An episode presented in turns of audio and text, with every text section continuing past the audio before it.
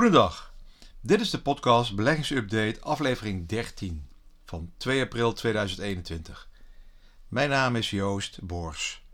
Nou, elke week hè, dan uh, geef ik een 15 minuten durend uh, beursoverzicht. Dat is speciaal voor de particuliere belegger. Hoef je minder zelf te lezen, dan kan je weer helemaal uh, up-to-date als je even gewoon mijn podcast beluistert. Er staan nu 13 afleveringen. Je kan altijd even terugluisteren. Zeer leerzaam. Er zitten namelijk ook, behalve actualiteiten, natuurlijk ook uh, andere ideeën en uh, een stukje opleiding en achtergrondinformatie bij. Nou, deze week onder andere het beleggen met uh, geleend geld, ofwel met een hefboom. Dit naar aanleiding van het debakel bij Archegos Capital Management in Amerika. En ik ga het ook hebben over het aanpassen of herbalanceren van je beleggingsprofiel. Nou, eerst het uh, beurssentiment en uh, wat is er gebeurd deze week? Nou, het was heel erg positief en feestelijk. Hè? De AX-index haalde na 21 jaar weer het niveau van uh, begin een half 2000. Ja, zo rond augustus, september 2000 waren we rond de 700. En nu in april zelfs 710. Dus het, nou, het gaat allemaal hartstikke mooi, zou je zeggen. Afgelopen week waren het de technologieaandelen die, uh, die enorm stegen. ASML, ASMI, uh, BESI. Gemiddeld zo'n 6% allemaal omhoog. Maar ja, ook de banken en de energie deden het goed. maar vooral de technologie was, was wederom erg sterk. Maar het is eigenlijk elke week een beetje stuiveltje wisselen tussen de sectoren. Maar gezamenlijk stuwen ze de, de index wel hoger. Ja, de maand maart was uh, op zich gewoon uh, prima voor de Nederlandse beurs. De AX steeg 8,2%. En uh, voor het eerste kwartaal was de stijging zelfs 13,4%. Ja, hiermee heb je in één kwartaal al meer rendement gehaald dan het normale beursgemiddelde in 15 jaar tijd. Andere bijzondere gebeurtenissen was natuurlijk die blokkade van, dat was afgelopen weekend, de scheepvaart het Suezkanaal. De blokkade van het Suezkanaal. Maar ja, dat is uh, Archegos, uh, wat ik al uh, meldde in het begin. Maar ik zal nog even het, het Suezkanaal even toelichten. Ja, in, het, in het, weekend en begin van de week werd het nieuws wel een beetje genomineerd door het containerschip, dat dwarslag. En door de Nederlandse trots Boskalis werd vlot getrokken. Voor de wereldeconomie was het gelukkig maar een, een week stilstand van de belangrijkste uh, vaarroute. Het kost wel een paar miljard aan wereldhandel, maar zal geen grote impact hebben op de economische activiteiten overal. Men was natuurlijk vooraf, hè, die week daarvoor, wel bezorgd dat als het uh, langer gaat duren dan die zeven dagen dat het geduurd heeft. Ja, men dacht eerst dat het misschien uh, twee, drie weken ging duren. Ja, dan kan de impact natuurlijk voor de wereldhandel wel wat groter zijn. Ja, gelukkig heeft Boskalis het uh, voor elkaar gekregen. Ja, over Boskalis gesproken. Ja, dit aandeel uh, steeg uh, lichtjes. Maar de laatste vijf jaar was het geen, geen echte rendabele belegging geweest. Ja, de koers zit tussen de, de 37 in 2016 en 27 heden. Nou, dan moet je het een beetje hebben gehad van het dividend. Het groot deel van die aandelen Boskalis zijn in handen van uh, investeringsmaatschappij HAL, HAL Trust. HAL is ook, uh, HAL Trust ook op de beurs genoteerd. En het is het investeringsvehikel van de Rotterdamse familie van der Vorm. Een klein deel van de aandelen zijn vrij verhandelbaar. De rest zit in handen van, uh, behalve van de familie van der Vorm, nog uh, een paar andere Nederlandse families. Nou, na, naast de investering in Boskalis zit HAL ook in Vopak, dat is de olieopslag. SBM Offshore, dat zijn olieplatforms. Uh, Grand Vision, dat zijn uh, brillen, uh, dus optiekzaken. Maar ook in Coolblue. Dus een vrij gediversifieerde portefeuille. Wel, het grootste gedeelte zit natuurlijk wel, komt afkomst van de Rotterdamse havens. Maar Coolblue, de, dus deze laatste, zal, zal waarschijnlijk dit jaar nog naar de beurs gaan. De koers van Hal heeft na uitstekende resultaten in het verleden de laatste vijf jaar ook een beetje ja, een vlak, dus eigenlijk weinig gepresteerd. Er zit veel kasgeld in dit fonds. Ze hebben weinig nieuwe inspirerende beleggingsmogelijkheden. Misschien dat de, de beursintroductie van Coolblue hierin verandering kan brengen. Er komt nog meer geld in het laadje. En dat ze dan toch op een gegeven moment weer nieuwe aankopen gaan doen. Maar dit jaar, het eerste kwartaal, is de koers zeker zo'n 20% opgelopen. Maar als je iets een halt rust doet, dan, uh, dan doe je het echt voor de lange termijn. En op zich is het dividendrendement uh, prima. Dus als je daar interesse in hebt, kan je in plaats van direct in Boskalis, kan je dan beter in haltrust beleggen. Nou, het economisch nieuws. Nou, er waren positieve cijfers van uh, inkoopmanagers in uh, Europa. Maar ook uh, de ja, industriële cijfers uit Amerika die zijn florisant. Ja, het ziet er gewoon uit dat de economische groei nog harder gaat versnellen. Het IMF gaat waarschijnlijk ook zijn verwachtingen voor dit jaar aanpassen. Nou ja, daarnaast natuurlijk president Biden, die wederom de portemonnee trok en met nieuw geld gaat strooien als hij het door het congres krijgt. Hij wil 2000 miljard gaan besteden aan infrastructuur. Ja, Amerika lijkt soms wel een derde wereldland. Met uh, slechte bruggen, wegen, uh, elektriciteit, voorzieningen die soms het niet doen, zoals laatst in Texas. En watervoorziening die ook niet altijd optimaal is. Ja, dus de infrastructuur wil die gaan aanpakken. Maar ook gaat een deel van het geld naar het vergroenen van de economie en het verduurzamen. Dus hij wil fors investeren in laadpalen en uh, in groene energie. Nou, dit moet allemaal betaald worden door het verhogen van de vennootschapbelasting, dus het verhogen van het belastingtarief voor het bedrijfsleven. Nou, als je wil inspelen op het verduurzamen, bijvoorbeeld van, het, van de energievoorziening, dan kan je onder andere kijken naar het de ETF, hè, het indextrekker van de iShares Global Clean Energy. Nou, dat heb ik al een keer, van mij een week of vijf geleden ook al genoemd. Koers is wat uh, gedaald. Uh, ja, misschien vind je het interessant, maar eh, stel me het even af met je adviseur. Hè? Nou ja, dan had je natuurlijk wederom een hedge fund of family office in Amerika die ja, het onderspit moest delven. Maar ja, dat was uh, natuurlijk, uh, dat noem je het beleggen met, met een hefboom, hè, met uh, geleend geld. Ja, terwijl iedereen eigenlijk bezig was met het container los trekken uit het Suezkanaal.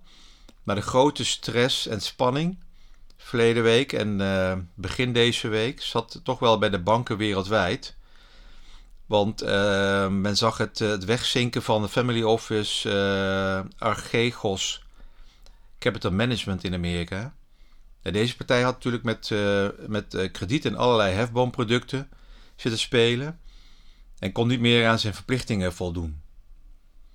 Ja, met een hefboom uh, wordt de inleg versterkt ehm, en het rendement en het verlieskans op je eigen vermogen vergroot. Er kan dus met relatief weinig inzet veel winst, maar ook veel verlies gerealiseerd worden. Ja, simpel uitgelegd, bijvoorbeeld een effectenkrediet of een hefboomproduct. Uh, betekent je, je hebt voor 1000 euro eigen geld en leent er 2000 euro van de, van de bank bij. Dus je belegt 3000 euro. Nou, een kleine stijging of daling van deze 3000 euro zorgt dus dat heel snel dat jouw 1000 euro met erg veel procenten stijgt of daalt. Nou, dat heeft Archegos dan ook gedaan. En dit doen uh, daarnaast al vele partijen wereldwijd. En het is een manier van speculeren dat al uh, natuurlijk al eeuwen gebruikt wordt. Waaronder ook met vastgoed. Ja, ik noem het uh, speculeren, maar de zichzelf sophisticated intellectuele portfolio manager of vermogensbeheerder ziet dit als een hoger niveau van beleggen. Maar het is eigenlijk gewoon gokken met andermans geld. En als het goed gaat, ja, dan pak jij een, een, enorme bonus. Um, en als het fout afloopt, ja, dan is het het pech voor, voor de beleggers. Nou, Archegos, wat in het Grieks leider of prins betekent, kan nu beter zijn naam veranderen naar Prutser. in elk geval dit bedrijf ongeveer op zo'n 10 miljard aan geld van beleggers in portefeuille. Maar voor zo'n 50 tot 60 miljard aan beleggingen. Dus 5 tot 8 keer het eigen vermogen als hefboom uitstaan. Nou, door daling van, van een van zijn bezittingen, de Viacom, waar ze groot in belegd waren, moest Archegos geld bijstorten. dat noemen ze een margin call. je wordt gesommeerd door andere banken om bij te storten, omdat je onderpand minder waard wordt. je moet het tekort afdekken. Ja, dit lukte niet. En toen begonnen de banken, en het was inderdaad wereldwijd, want uh, je praat over banken in uh, Zwitserland, uh, Japan en in Amerika, posities af te bouwen of door te sluizen naar andere beleggers tegen lagere koersen. Ja, internationaal liepen diverse banken toch schade op, omdat ze dat onderpand tegen lage prijzen moesten verkopen. het verlies loopt in de miljarden. En waarschijnlijk door ingrijpen centrale bank is in stilte een sneeuwbaleffect en een grotere onrust op de beurzen voorkomen. Nou, als je wat meer wilt weten over dit onderwerp, dan kan je bijvoorbeeld de, de film Margin Call uit 2011 bekijken. Het gaat over een investeringsbank uh, die in problemen zit en de besluiten die genomen worden door de directie in een periode van 24 uur. Er zit wel wat vakjargon bij, dus je moet wel even wat opletten. Maar uh, ja, simpel gezegd, hun oplossing was uh, alles dumpen bij, bij hun klanten. En zo snel mogelijk alles van hun eigen balans af. Er zitten een paar goede acteurs bij. Uh, Jeremy Irons en Kevin Spacey. Een hele goede film als je wat meer achtergrond wil hebben hoe het gaat in het hoge niveau van de financiële wereld. Nou, iets anders wat ook belangrijk is en wat je toch als je aan het beleggen bent twee keer per jaar, maar in ieder geval misschien kan je één keer per kwartaal kijken hoe het ervoor staat, is het herbalanceren van je beleggingsportefeuille. Ja, de beurs is natuurlijk constant in beweging. Nou, waardeveranderingen van uh, specifieke beleggingen kunnen ervoor zorgen dat je beleggingsportefeuille uit balans raakt. Om ervoor te zorgen dat je portefeuille bij jouw uh, gekozen uh, initieel risicoprofiel blijft passen, moet je daarom met enige regelmaat je portefeuille herbalanceren. Dus toen je met beleggen begon, heb je een bepaalde verdeling gekozen passend bij jouw eh, specifieke individuele uitgangspunten. Stel je hebt een uh, neutraal profiel gekozen. Dat betekent in hoofdlijnen zo'n 50% uh, aandelen, 50% uh, obligaties. Nou, dit, dit is dan het startmoment. Nou, probeer nu op regelmatige tijden, bijvoorbeeld eh, minimaal twee keer per jaar, te kijken of deze verhouding aandelen, obligaties nog ongeveer in de pas loopt met het startmoment. We kijken niet op 1 of 2 procent uh, meer of minder. Maar te veel afwijking leidt er wel toe dat je je uitgangspunten, zoals je met, met, start, en je profiel gaan veranderen.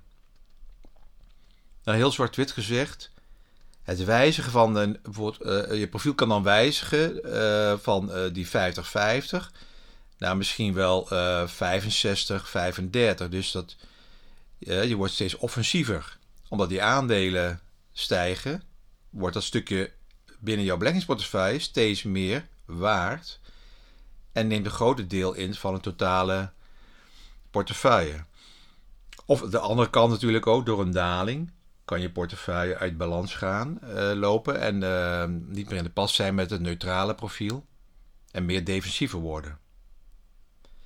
Nou, de prestatie van is de prestatie van bepaalde uh, rendementen uh, of, of, behaalde rendementen van al deze losse onderdelen zijn natuurlijk niet hetzelfde. Aandelen zullen op langere termijn meer in waarde stijgen dan obligaties of spaargeld. Dus op langere termijn zal je zo je portefeuille een ander profiel aannemen. Nou, of je adviseur attendeert je erop, maar als je zelf aan het beleggen bent, dan moet je eh, zelf dus de, die actie ondernemen. Of je moet je adviseur scherp houden dat hij uh, jou uh, dat, dat, dat hij het even wel in de gaten moet houden. Nou, bij het herbalanceren van je beleggingsportefeuille verkoop je dus een deel van de belegging die de afgelopen periode het best hebben gedaan. En koop je het andere gedeelte die zijn achtergebleven bij. Je kan natuurlijk ook geld bijstorten en de verdeling hier weer terugbrengen naar 50-50. Maar ja, Dat is weer een andere oplossing. Maar meestal uh, komt het op neer, wat ik net zei, aandelen hebben natuurlijk een, uh, een, een, grotere kans en een groter hoger rendement over een langere tijd. Komt er neer dat je dus een, een, deel van je aandelen verkoopt en met de opbrengst hiervan veilige investeringen zoals obligaties bijkoopt. Nou, pensioenfondsen bijvoorbeeld, die uh, herbalanceren ook uh, een paar keer per jaar. En meestal op kwartaalbasis. Nou, dit geldt ook voor uh, portefeuillemanagers van banken en vermogensbeheerders. Of van beleggingsfondsen. Nou, door de stijgende rente van de laatste maanden en hiermee dalende obligaties... Er zullen er waarschijnlijk door pensioenfondsen obligaties worden bijgekocht wat positief is eh, voor eh, de aandelenmarkt, want dan hoeven ze die aandelen niet te, te verkopen. Dat was eigenlijk de angst van, van dit kwartaal dat aandelen in eind maart onder druk zouden komen te staan. Dat pensioenfondsen misschien door de stijging van de aandelen wat zouden gaan verkopen. Ja, tegenwoordig hebben sommige online vermogensbeheerders, zoals bijvoorbeeld Brand New Day, daar zit ik dan ook bij, een mogelijkheid Ehm, als je dat wenst, hè, eh, kan je het zelf instellen om automatisch je portefeuille te laten herbalanceren. En ook je, je risicoprofiel te laten aanpassen. Hè. Dus een, een risicoafbouw naarmate je einddoel of leeftijd uh, wordt bereikt. Nou, hartstikke handig uh, hulpmiddelen. Maar je kan zelf het schuifje aan of uitzetten. Nou, dit was, uh, deze week was een uh, korte beursweek. Hè. Het, uh, het is Pasen, Goede Vrijdag zijn de beurzen dicht. En maandag is Amerika open, maar Europa ook nog gesloten. Eerste paasdag. Maar ja, er gebeurt elke dag wel iets interessants. In de maand april krijgen we weer bedrijfscijfers. Dit geeft dan ook een goed beeld van de waardering van de beurs ehm, en, en hoe, hoe, de, hoe het bedrijfsleven erbij staat historisch is april uh, wel een goede beleggingsmaand. We gaan het allemaal zien. Denk eraan, uh, beleggen is een lange termijn vermogensopbouw. Uh, en het beste doe je dat zonder hefboom of met, zonder geleend geld. Nou, dank voor het luisteren. En mocht je nog vragen hebben, kan je je altijd mail sturen naar info.beleggingsupdate.nl. Nou, alles op persoonlijke titel. Ik geef geen direct beleggingsadvies je moet altijd je, eigen adviseur eh, raadplegen. Nou, tot uh, de volgende week. En uh, nou, dank voor het luisteren.